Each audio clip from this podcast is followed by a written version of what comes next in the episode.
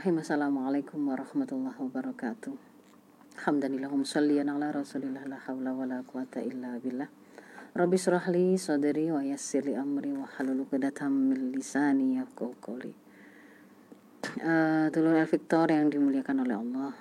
Hari ini kita menyaksikan fenomena uh, yang lagi viral ya tapi sebenarnya kita mengangkatnya bukan karena keviralannya atau yeah. ikut nebeng dengan keviralannya Mas Isa tetapi kita memandang fenomena SGBD generasi-generasi SGBD ya yang eh, apa namanya hari ini menghiasi hampir semua beranda timeline eh, sosmed dan juga eh, bahkan kemudian dibahas dalam berbagai macam media mainstream para pejabat juga banyak yang ada di sana, para para selebritis, para pesohor juga ikut-ikutan ke sana dan membesarkannya.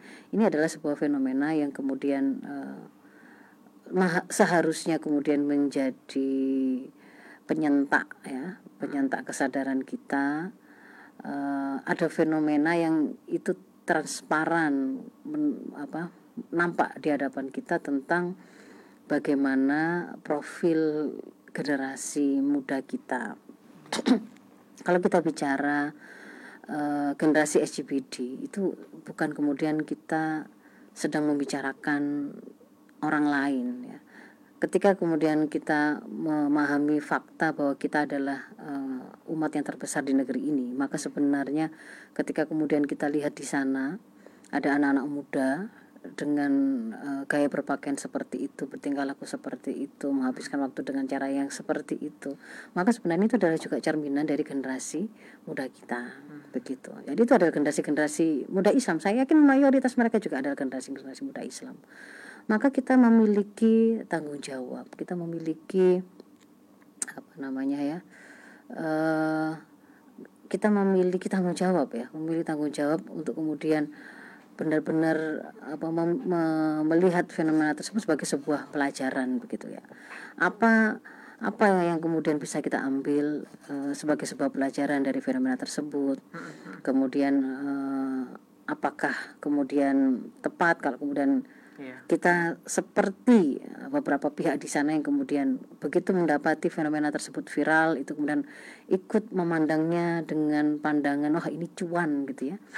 ini sesuatu yang bisa uh, uh, dia menarasikan yang memujinya dengan oh, itu kreatif tetapi kemudian sebenarnya mereka dompleng untuk menghasilkan pundi-pundi ya dengan dengan menjadikan tempat itu dan komunitas tersebut anak-anak itu sebagai konten uh, isi dari konten-konten sosmed mereka channel-channel mereka kan gitu kan ya. Hmm. yang kemudian uh, mereka mengeksploitasi ke tanda kutip ke penampilan yang mungkin bagi mereka itu mungkin lucu mungkin uh, pada beberapa orang itu kemudian dipandang itu sebenarnya sangat tidak berkualitas begitu kan? Ada begitu kan ya uh, tapi kemudian uh, mereka me menjadikannya itu untuk keuntungan pribadi gitu ya. Misalkan ada akhirnya ada banyak brand-brand brand-brand terkenal yang kemudian juga ikut ke sana gitu ya ikut ke sana. Nah, ini kan kesempatan ini untuk kemudian me menjadikan promosi. iya itu sebagai ajang promosi dan seterusnya.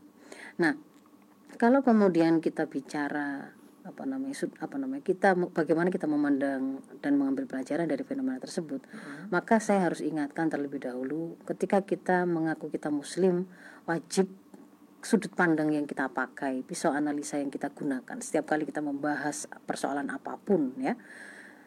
Termasuk perasaan apa yang kita miliki ketika melihat sesuatu itu ya. Bukan sekedar pemahamannya saja bukan sekedar standar atau uh, mikyasul amalnya saja. Tetapi sampai pada perasaan apa yang kita miliki ketika kita melihat satu fenomena tersebut itu harus kita standarisasi, harus kita ukur dengan ukuran-ukuran Islam.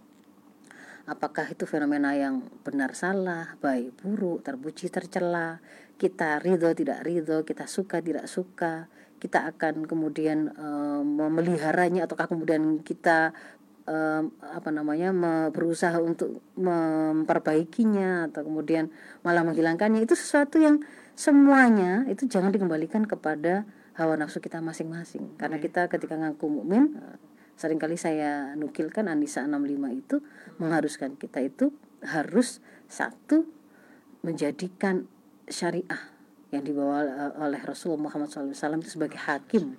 Sebagai hakim atau pemutus atas segala persoalan kita perselisihkan. Dan yang kedua setelah kemudian kita membuka rujukan tuntunan dari syariah itu, apa pun jawabannya, kita sami wa atau kita menerimanya dengan sepenuh hati. Tidak ada rasa keberatan sedikit pun. Nah, ketika kemudian kita membahas melihat fenomena SCBD ini, maka kita melihat satu mereka semua tentu memang adalah generasi muda, ya kan? Generasi muda. Generasi muda, generasi muda itu kalau dalam pandangan Islam itu ya di dalam uh, surat Ar-Rum ayat 54 itu memang uh, Allah menggambarkan manusia itu uh, dipergilirkan dalam tiga masa ya hmm. Mas Ishak ya masa lemah lalu kemudian masa kuat lalu masa lemah kedua nah masa usia muda itu adalah masa kuat di antara dua kelemahan, dua masa kelemahan. Masa lemah pertama itu adalah ketika kita itu masih anak-anak, masih bayi, masih belum masih sangat bergantung kepada orang lain sampai kemudian kita itu tumbuh besar, dewasa, kuat itu ada pada masa-masa paling optimal. Lalu kemudian nanti itu akan uh, bergerak lagi menuju ke masa lemah. Semakin kemudian kita lansia, semakin melemah dan hampir bisa-bisa ada yang kemudian seperti bayi lagi kan gitu kan yang membutuhkan banyak pertolongan dan seterusnya jadi memang masa muda masa muda ini kalau kemudian uh, hari ini disebut dengan usia produktif hmm. dan dikatakan kita di Indonesia akan mengalami bonus usia produktif dibandingkan mereka yang tidak produktif hingga tahun 2035 uh, jumlahnya mungkin bahkan 70% dari uh, seluruh jumlah penduduk di Indonesia yang 270 juta gitu ya. Itu Eh, berarti seharusnya kemudian benar-benar membuat kita e, tersentak ini ada potensi yang sangat besar, ada jumlah yang besar dengan potensi kemudaan gitu ya, masa muda yang luar biasa. Dan kita juga ber, e, belajar dari sejarah. Masa muda para pemuda itu memang identik dengan banyak melakukan prestasi, amal, karya, kebaikan ya. Mereka dekat dengan e, apa namanya? Aktivitas-aktivitas yang itu mengarahkan masyarakatnya pada perubahan yang menuju lebih baik. Perubahan peradaban itu ada dan sering kemudian melibatkan tangan-tangan mereka. Ter bahkan termasuk kemudian e, perjuangan negeri ini ataupun perkembangan Islam itu selalu melibatkan ada tangan-tangan para pemuda di sana. Generasi mudanya. Iya, generasi mudanya. Maka kalau kemudian kita melihat uh, fenomena SCBD itu tidak boleh kita cuman lihat melihatnya gini uh, itu kalau ketika ada yang komentar itu kan sia-sia. Itu lihat itu akhirnya jadi jadi tempat nongkrongnya orang-orang tulang lunak kaum tulang lunak. Maksudnya itu LGBT ya. Nggih, uh, banyak. Uh, kemudian atau mereka lo di situ menghabiskan waktu hanya nongkrong nongkrong gitu ya. Ketika kemudian ada yang mengatakan begitu lalu ada yang komentar. Ya, ada yang komentar ya itu biarinlah itu ekspresi.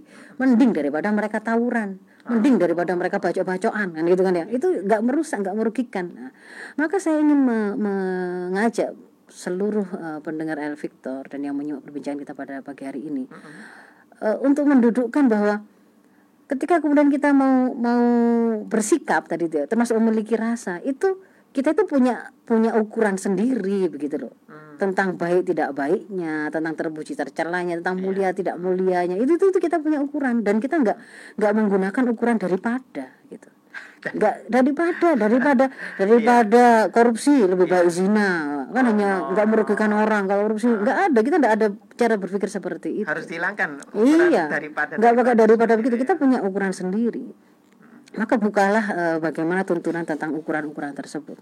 Nah kita nggak kemudian juga memandang timbangan itu tawuran daripada tawuran lebih baik e, itu tadi misalkan zina kan nggak nggak anu nggak merugikan nggak merugikan orang lain. Hanya dua orang saja. Nah, hanya dua orang saja dosa-dosa dia sendiri nggak yeah, merugikan. Yeah. Oh, nah jadi kalau kemudian kita melihat fenomena tersebut maka kita harus membuka bagaimana Islam itu kemudian memberikan e, arahan tentang profil yang harus melekat pada pemuda Islam. Oh. Nah, gitu ya. Itu yang paling penting. Iya, supaya kemudian kita tidak eh, daripada jadi pezina lebih baik jadi anak yang hanya apa? Eh, seharian rebahan nah. dengan eh, gadgetnya nonton drakor. Hmm. nggak pakai nggak pakai begitu kita nggak boleh bingung gitu loh kalau kayak gitu nanti akhirnya masing-masing orang juga berbeda-beda makanya ada orang yang punya pola pikir wah ini bisa dimanfaatkan ini bisa untuk begini-begini nah maka kita harus buka bagaimana uh, perintah Islam terkait dengan seharusnya profil generasi muda Islam itu seperti apa. Hmm. yang pertama itu adalah generasi muda Islam itu harusnya berprofil ibadullah. Karena Allah berfirman wa ma khalaqtul jinna wal insa illa liya'budun. Jadi di mana pun posisi dia itu adalah dia adalah menyadari betul bahwa dia adalah hamba dari Allah yang telah menciptakannya.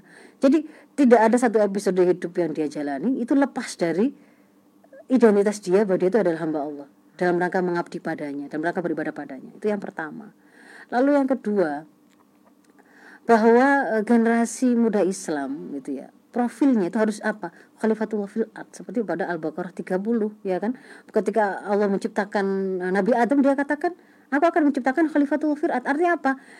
Mereka ini adalah pengganti manusia-manusia ini manusia-manusia generasi Islam ini harus menjadi eh, orang atau generasi yang bisa mengelola bumi sesuai dengan tuntunan atau aturan yang diberikan oleh Allah. Karena dia menjadi khalifatullah fil ard pengganti Allah di muka bumi.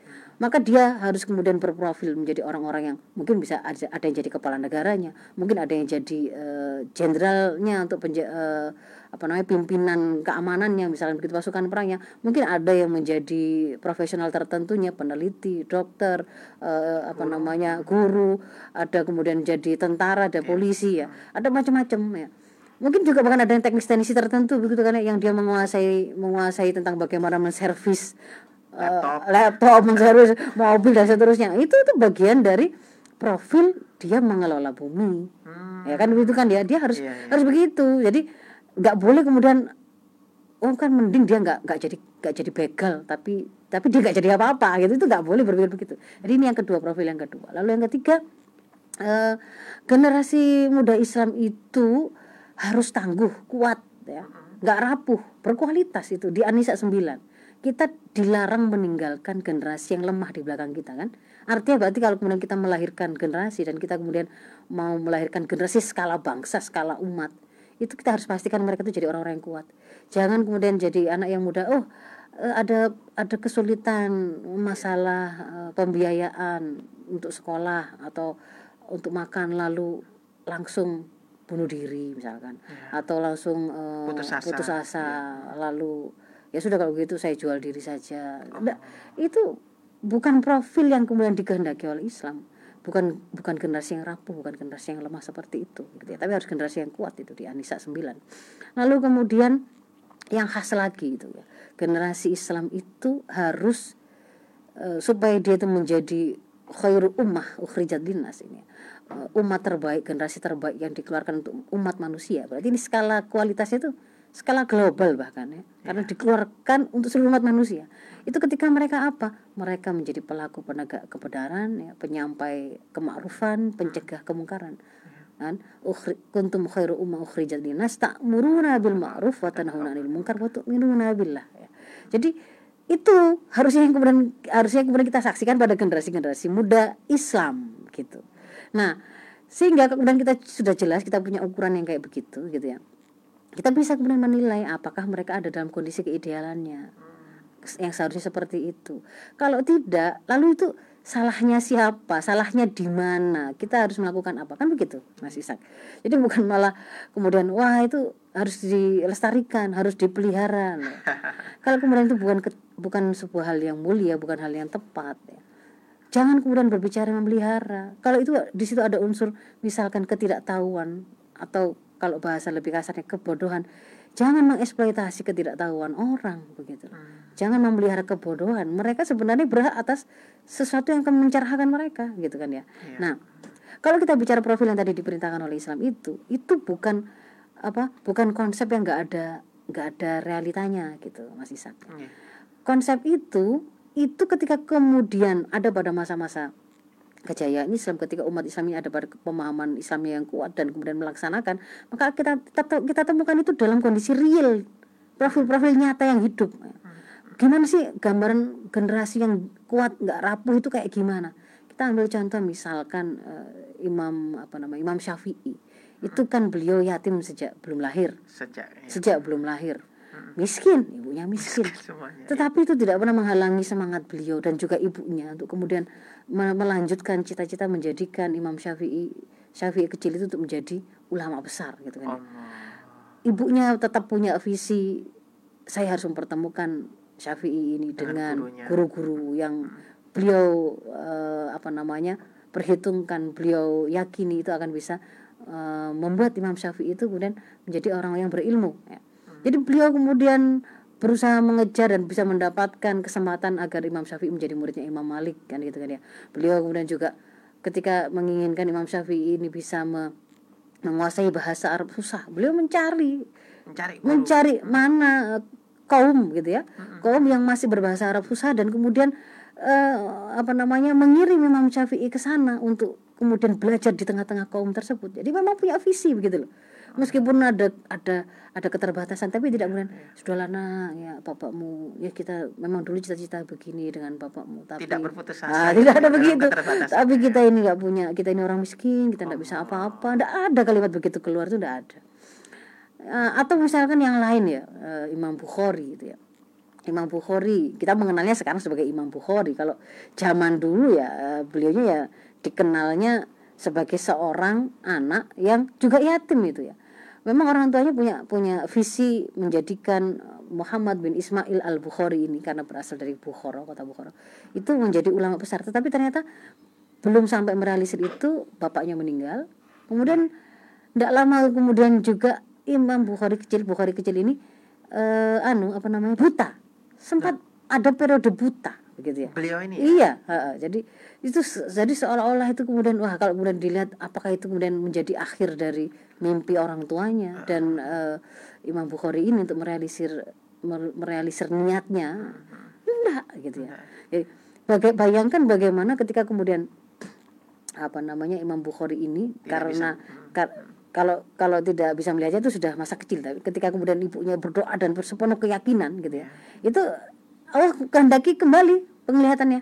Masya itu kan ya. Dan ketika kemudian eh, Imam Bukhari ini oleh oleh gurunya itu diberi nasihat alangkah baiknya kalau engkau eh, kemudian menghimpunkan menghimpunkan hadis-hadis Rasul begitu ya. Yang kemudian bisa membantu generasi-generasi umat setelah setelah kita gitu ya untuk bisa mengetahui mana yang sahih, mana yang itu bukan hadis, mana yang itu sebenarnya kemudian kualitasnya seperti ini. Nah, itu beliau menghabiskan 18 tahun umurnya untuk untuk berkeliling dari satu tempat ke tempat yang jalan kaki tentu saja ya. Eh, ada ada ada sejarah yang kemudian menuliskan beliau mengumpulkan satu juta hadis dari 80 ribu ulama yang meriwayatkan hadis kemudian memerasnya dan menemukan 7 ribu saja yang sahih 7 ribuan yang sahih kan begitu kan ya. Oke. itu menghabiskan 18 tahun usianya. 18 18 tahun. tahun. Ini kan menunjukkan apa? Azam yang kuat ya Iya, kan? iya. padahal beliau juga beliau juga lemah maksudnya beliau secara fisik pernah kemudian mengalami kelemahan. Beliau juga eh, dari keluarga yang enggak kaya ya, yatim juga hanya bersama ibunya. Tapi lihat begitu ya. Ketika kemudian sudah mengunjam pada diri seorang eh, muslim itu akidah Islam meyakini bahwa Allah itu al-muhyi al-mumit dia yang menghidupkan kita dan yang mematikan maka apa pun hal yang dianggap membahayakan bisa mengantar pada kematian kalau Allah belum mengizinkan nggak akan mati kita kan? Misalnya ketika kemudian diperintahkan untuk jihad misalnya atau diperintahkan untuk menyampaikan kebenaran di hadapan penguasa zalim ancamannya nyawa dia tidak takut. Karena Tidak akidah tadi kan begitu kan ya? Ketika kemudian dia meyakini eh, Allah itu ar-razik ya rizku biadillah wahdah bahwa rizki itu hanya di sisi Allah gitu ya. Memberi rizki itu Allah memberi yang memberi ri- rizki pada seluruh makhluk di bumi ini ya, di semesta ini itu Allah bukan atasan kita bukan ibu kita bukan bukan kemudian eh, sumber-sumber yang lain yang sering kemudian seolah-olah diyakini seandainya kemudian dia dipecatkah atau orang tuanya tidak ada kah suami yang tidak ada lalu sepertinya dia kehilangan rizkinya Rezekinya, ya. wis bakal mati begitu ya. Itu kalau orang itu kemudian generasi muda Islam itu kemudian meyakini akidah yang seperti itu maka tampilannya dia juga nggak akan mudah galau nggak akan mudah putus asa persoalan rizki ini. Paham betul dia? Tugas Karena dia betul, eh, eh, tugas dia hanya bergerak. Tapi dia yakin bahwa tidak ada satu makhluk melata pun di bumi ini Iya. yang Allah tidak tahu dan tidak jamin rezekinya. Nah, jadi eh, ini profil-profil yang seperti ini itu kita menemukannya nyata. Ini saya tadi nggak bicara generasi sahabat ya. Kalau sahabat misalkan ada Mus'ab eh, ada Mus'ab bin Umar ya, yang mulanya adalah ya bangsawan ya ya ya orang yang sultan gitu ya, Iya. ya kaya raya orang tuanya dikenal sangat ganteng juga dan seterusnya. Tapi ketika kemudian dia masuk Islam, ya dia menjadi orang yang sangat mudah melepaskan kemewahan-kemewahan tadi dan kemudian Waalaikumsalam warahmatullahi wabarakatuh. Ahlan wa sahlan bihudurikum Mas Helmi. Nah, yang kemudian dia juga menjadi eh, apa namanya? utusan Rasul pertama kan ke Madinah untuk kemudian membina penduduk di Madinah. Nah, jadi ini kita itu punya gambaran seperti itu generasi Generasi muda-mudanya, generasi muda ya. Islam itu seperti itu konsepnya juga jelas tentang profil yang seperti apa yang harus kita wujudkan dan secara nyata pun profil-profil itu hidup gitu loh ada gitu. Bukan jadi ini bukan hanya teori bukan hanya konsep. Kemudian eh, yang berikutnya kita akhirnya kan harusnya bertanya loh kalau begitu kalau kalau memang kita itu sebenarnya ketika disiapkan oleh Islam me- menjadi seorang muslim itu harusnya kemudian karakter kita seperti itu kok ternyata kok tampilannya kita kok menemukan anak-anak itu kok hari ini generasinya itu namanya generasi stroberi istilahnya. Strawberry. ya Apa apa? itu, generasi stroberi itu lembek Oh. mudah membusuk gitu loh. Mudah ra- mudah rusak. ya, Ah, ah, itu gitu. Ada yang mengatakan gitu atau generasi rebahan ya. Pokoknya di depan gadget terus gitu. Iya. atau kemudian ya itu sedikit-sedikit bilang me- mengalami mental illness ya, butuh healing butuh healing kan gitu kan ya. Nah ini kok hilang healing ini kok seperti itu? Maka kemudian kita coba telusuri apa yang sedang terjadi sebenarnya. Hmm. kalau kemudian kita cermati memang hari ini ada fenomena kerusakan profil generasi atau kelemahan profil generasi. Tapi itu juga bukan ke- tanpa sengaja. Gak moro-moro gitu loh Artinya? Tidak tiba-tiba. Ada sebuah proses yang mendahuluinya dan dan bisa jadi di situ eh, melibatkan faktor kita internal kita umat Islam tapi juga ada juga faktor dari pihak-pihak yang menginginkan kelemahan umat Islam generasi Islam. Nah saya mau menunjukkan bahwa eh, untuk kemudian mendapatkan gambaran generasi dengan profil kepribadian Islam yang kuat itu ada lima hal yang dibutuhkan gitu ya. Yang yang dibutuhkan untuk bisa melahirkan generasi-generasi Islam dengan karakter-karakter yang kuat profil-profil seperti yang tadi di konsep yang diberikan oleh Islam. Iya. yang pertama itu adalah eh, akidah yang kuat. Akidah yang kuat. Jadi kita pahami gini eh, kalau kita yang kita saksikan dalam penampilan sehari-hari seorang anak atau generasi itu adalah kita sebutnya dengan karakter. Sifat-sifat tertentu perilaku-perilaku tertentu itu kita namakan dengan karakter gitu ya mas ya. Maka karakter ini tuh ibaratnya kalau dalam pohon itu adalah buah ya. Dia buah bukan akar tapi dia itu buah artinya dia itu tuh dipanen kalau kita berhasil menanam pohon sebuah pohon misalnya apel gitu ya Iya. berarti kita menanam pohon apel itu mulai dari benihnya lalu tumbuh menjadi pohon yang sehat kuat lalu sampai dia berbuah Itu nah berhasil ya? buah itu baru kemudian kita panen kalau karakter eh, kepribadian Islam yang kuat karakter utama karakter tangguh karakter mulia yang kemudian kita kita mau panen dari generasi-generasi muda Islam maka kita harus menanam pohon kepribadian Islam benihnya apa? Kalau di dalam Ibrahim surat Ibrahim ayat 24 itu disebut sebagai kalimat thayyibah itu. Itu adalah kalimat tauhidullah itu. La ilaha illallah itu. Itu benihnya gitu.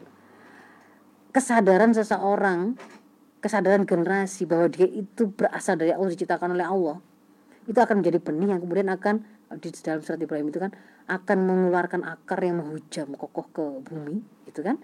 Lalu kemudian me- eh, menumbuhkan dahan-dahan ranting pohon yang itu kokoh menjulang ke langit dan kemudian menghasilkan buah yang tidak kenal musim. Terus-terusan. Terus, terus. terus-terusan. Itu artinya apa?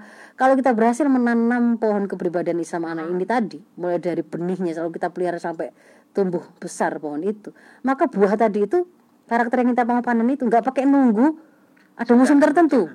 Oh kalau dia masih kecil kalau dia masih di TPA itu solih atau kalau kemudian dia di sekolah karena masih dibiasakan oleh gurunya oleh sekolahnya untuk berjamaah bersama sholat dia masih melakukan sholat. Tapi kalau kemudian jadi anak kuliah enggak. Itu enggak gitu. Selama itu tadi ya pohonnya kita benar-benar sudah tanam. Hmm. kuat. Maka karakter yang sebagai buah itu akan kita panen terus. Maka yang harus kemudian kita pastikan itu dari eh, lima hal yang menguatkan tadi adalah satu akidah Islam yang kuat. Semakin kuat akidah ini dimiliki oleh anak-anak kita generasi kita maka ini akan menjadi apa fondasi yang kokoh. Pohon itu gak akan gampang roboh karena dia menghujam kuat ke bumi ya. Keyakinan Allah itu al muhyi al mumit ar rozik Allah itu sumber dari segala sumber kekuatan. Allah itu yang kemudian menjaganya mau melihat dan seterusnya. Itu Ya. akan membuat anak tidak rapuh. Lalu yang kedua Jadi akar ya. ya akar itu. Lalu yang Padahal, padahal semua banyak tahu yang lebih indah itu adalah buahnya. Ah, buah Nah, itu buah itu gak bisa kita dapatkan kecuali kita menanamnya Ya. Akarnya harus Iya. kuat terlebih. Kalau hanya beli di pasar sebentar habis, sebentar busuk, sebentar hilang. Tidak bisa juga kita ambil buah yang lain yang, wah ini benihnya bagus kita tempelkan ke pohon itu dengan isolasi misalkan, nggak bisa. Nggak bisa. Kalau mau menghasilkan itu dari benihnya dulu, Tanam itu dulu. tanam dulu dari benihnya, lalu pastikan tumbuh kuat. Nah, tumbuh kuat yang berikutnya itu adalah ada koneksi antara akar itu dengan pohon yang tumbuh di atasnya itu, ya. Oh iya. yaitu yaitu apa? Itu kalau dalam bahasa kepribadian adalah keterkaitan antara akidah dengan amal. Keterkaitan akidah akidah tadi dengan pilihan aturan hidup yang dia gunakan untuk me- mengatur seluruh amalnya. Bagaimana dia menjalani hidup. Itu yang kedua. Karena nanti kita akan lihat ada serangan itu di sini juga. Gitu ya. Maka kalau kemudian eh, kita ingin memperkuatnya kuatkan itu. Lalu yang ketiga itu semakin menjulang itu adalah kelengkapan sakofah Sakofa. kelengkapan pemahaman tentang Islam, kelengkapan eh, pemahaman tentang bagaimana tuntunan Islam sebagai way of life. Semakin lengkap dia paham fikih, semakin lengkap dia tentang hukum-hukum Islam. Bagaimana cara bergaul, bagaimana sih cara berpakaian, bagaimana sih boleh nggak sih kalau kemudian saya itu mojok berdua di kamar atas nama kerja kelompok, gitu ya, Eh, check in atas nama meeting, gitu ya, misalkan begitu kan ya. Semakin dia itu paham bagaimana rambu-rambu Islam, eh semakin dia nggak kesasar generasi itu, semakin terjaga. Oh ya gitu. Nah, lalu saya tambah dua lagi sekalian ya. Nah, yang keempat itu adalah lingkungan yang kondusif, Mas Ishak.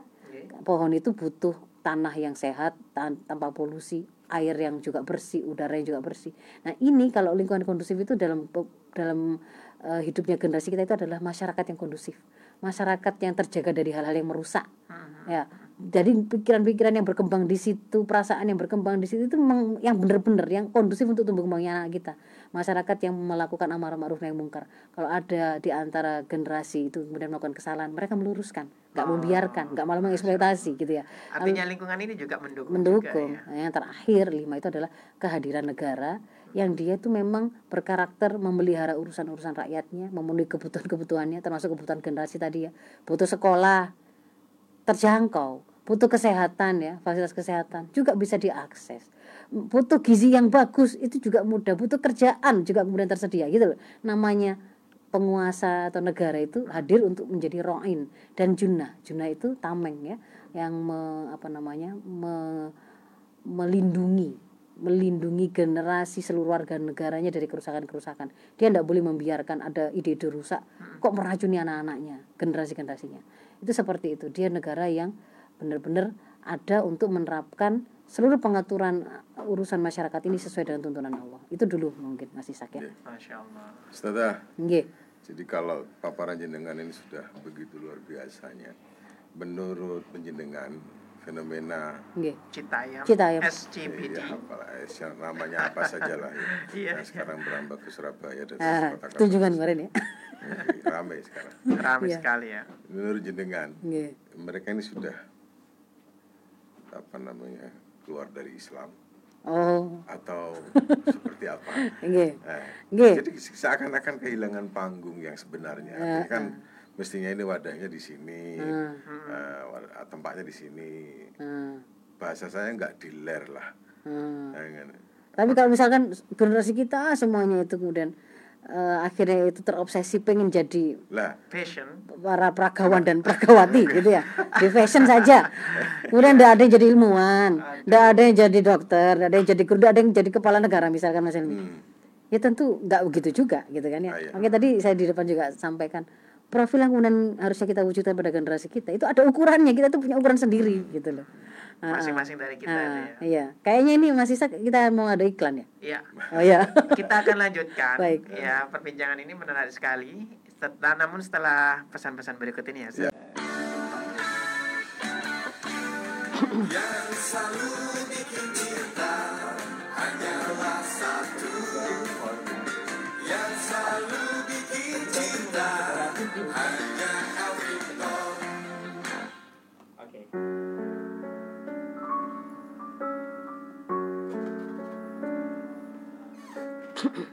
Baik, Delor Efektor, kita lanjutkan kembali perbincangan kita mengenai generasi SCBD dan tanggung jawab kita sebagai Muslim. Baik, Ustazah. ya Materinya sudah cukup. Ustaz? sudah menjawab pertanyaan Mas Helmi tadi Iya, Oh. silakan. Ya, tadi tadi kan beliau bertanya, eh, jadi kalau kemudian generasinya seperti ini, apakah kemudian dia tuh kemudian keluar dari Islam gitu ya? kalau maksudnya di situ adalah eh, menja- murtad atau tidak begitu.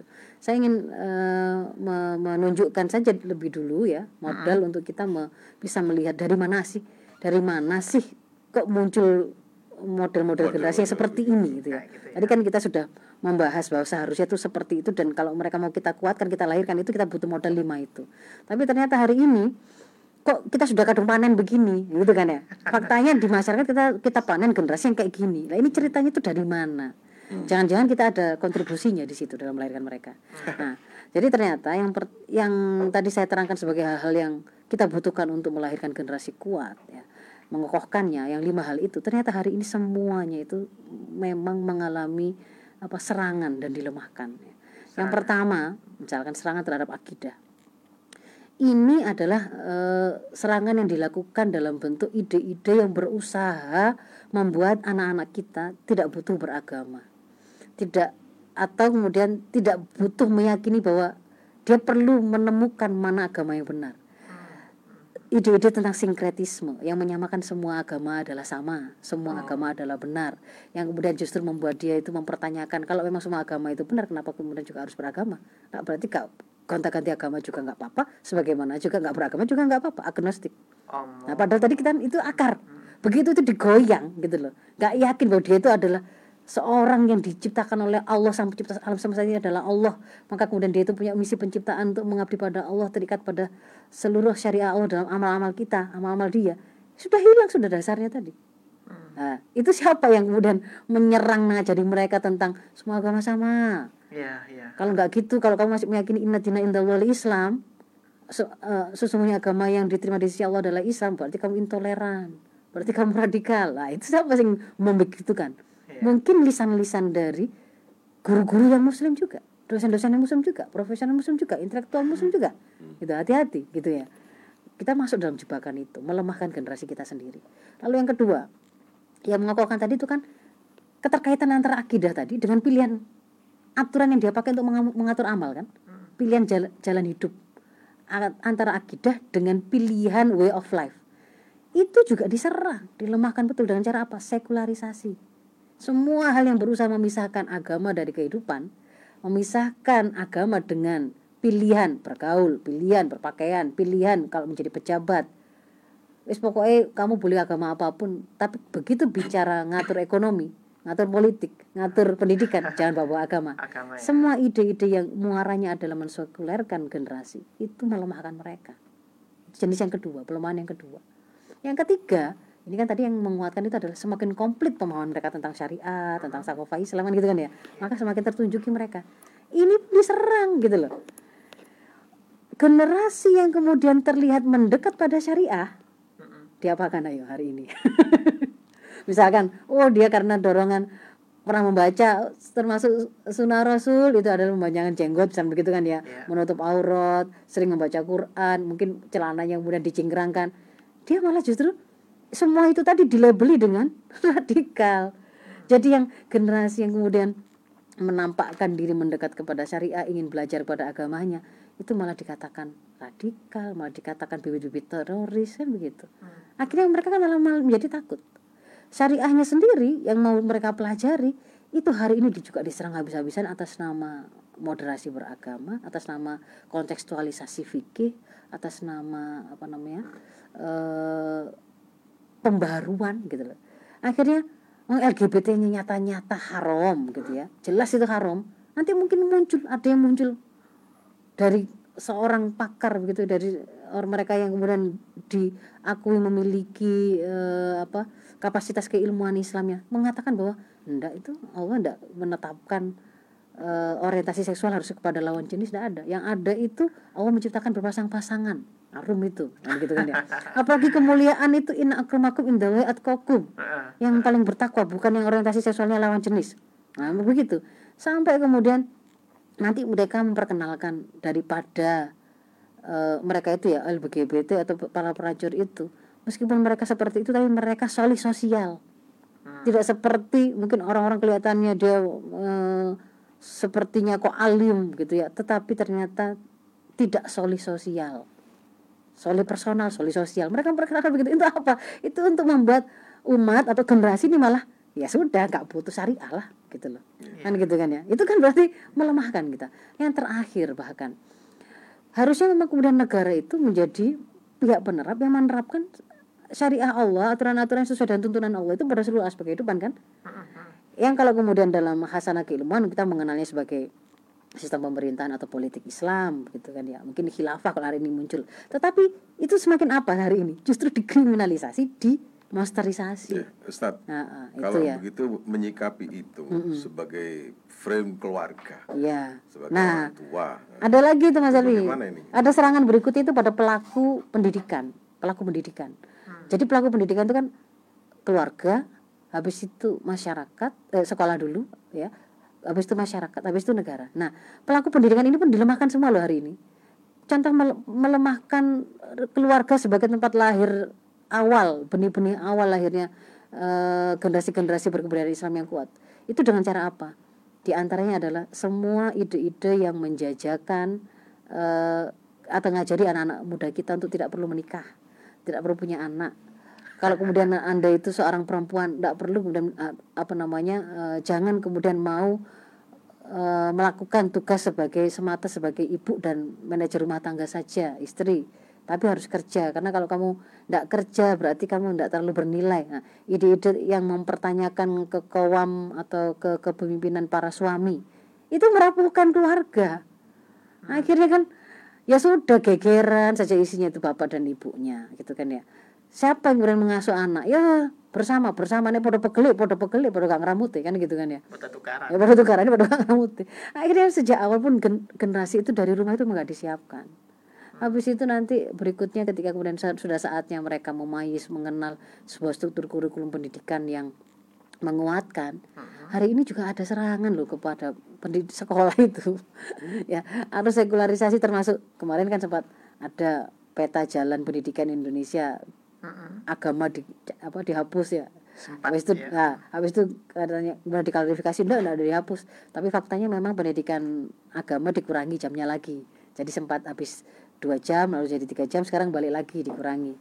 Tapi ada juga kan kemudian banyak kurikulum-kurikulum yang mengalami penyesuaian yang kalau kemudian e, misalkan di Padang ketika kemudian ada sekolah yang me, mengharuskan para generasi muslimahnya gitu ya murid-murid muslimahnya itu menutup aurat itu kan untuk mereka disalahkan kan? Padahal kan itu bagian dari taktib kalau dalam Islam. Cara pendidikan itu memang ya diajari konsepnya, ya difahamkan hukumnya, tapi kemudian mereka juga dibantu dibiasakan. Nah, itu juga sekolah yang begitu kemudian dikatakan wah itu bibit radikal. Nah, gitu kan ya. Lalu yang kemudian yang keempat masyarakat. Masyarakat juga akhirnya tidak bisa melaksanakan justru masyarakat itu bukan melakukan amar ma'ruf nahi mungkar, tapi dia malah contohnya gini, malah menjadi inspirator keburukan. Dari mana sih anak-anak kita itu belajar cara zina atas nama FBB ya. Friends with benefit istilahnya mas ini hmm. ngeseks zina seperti kucing komplek gitu ya. Kawin dengan siapa pun tapi tidak ada rasa baper. Itu ada tipsnya itu. Di sosmed ya kan? Dapat dari mana? Bukan dari sekolah tapi dari masyarakat. Hmm. mereka nggak belajar bahwa enak lo jadi koruptor itu di sekolah enggak tapi dia belajar dari masyarakat. Di tengah-tengah masyarakat mereka lihat jadi koruptor itu enak gitu ya. Dapat uang banyak anggal tangkap tangkapannya gitu kan Habis itu kalau kemudian tertangkap pun hukumannya ternyata setiap tahun berkurang bisa dan diatur. bisa diatur, bisa keluar-keluar masuk penjara. Itu dia belajar dari mana? Masyarakat. Maka kalau masyarakatnya itu campur baur ide rusak, halal haram nggak ada, baik buruk nggak ada itu campur ya sudah rusaklah ma- anak-anak kita juga. Eh, yang terakhir juga negara.